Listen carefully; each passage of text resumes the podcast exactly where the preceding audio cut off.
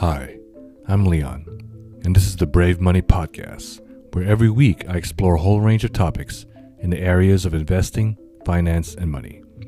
Scared money doesn't make money. We all have to learn how to use our existing money and assets to generate more money and assets. Please subscribe and join me on the path to level up one's focus and mindset around money and wealth.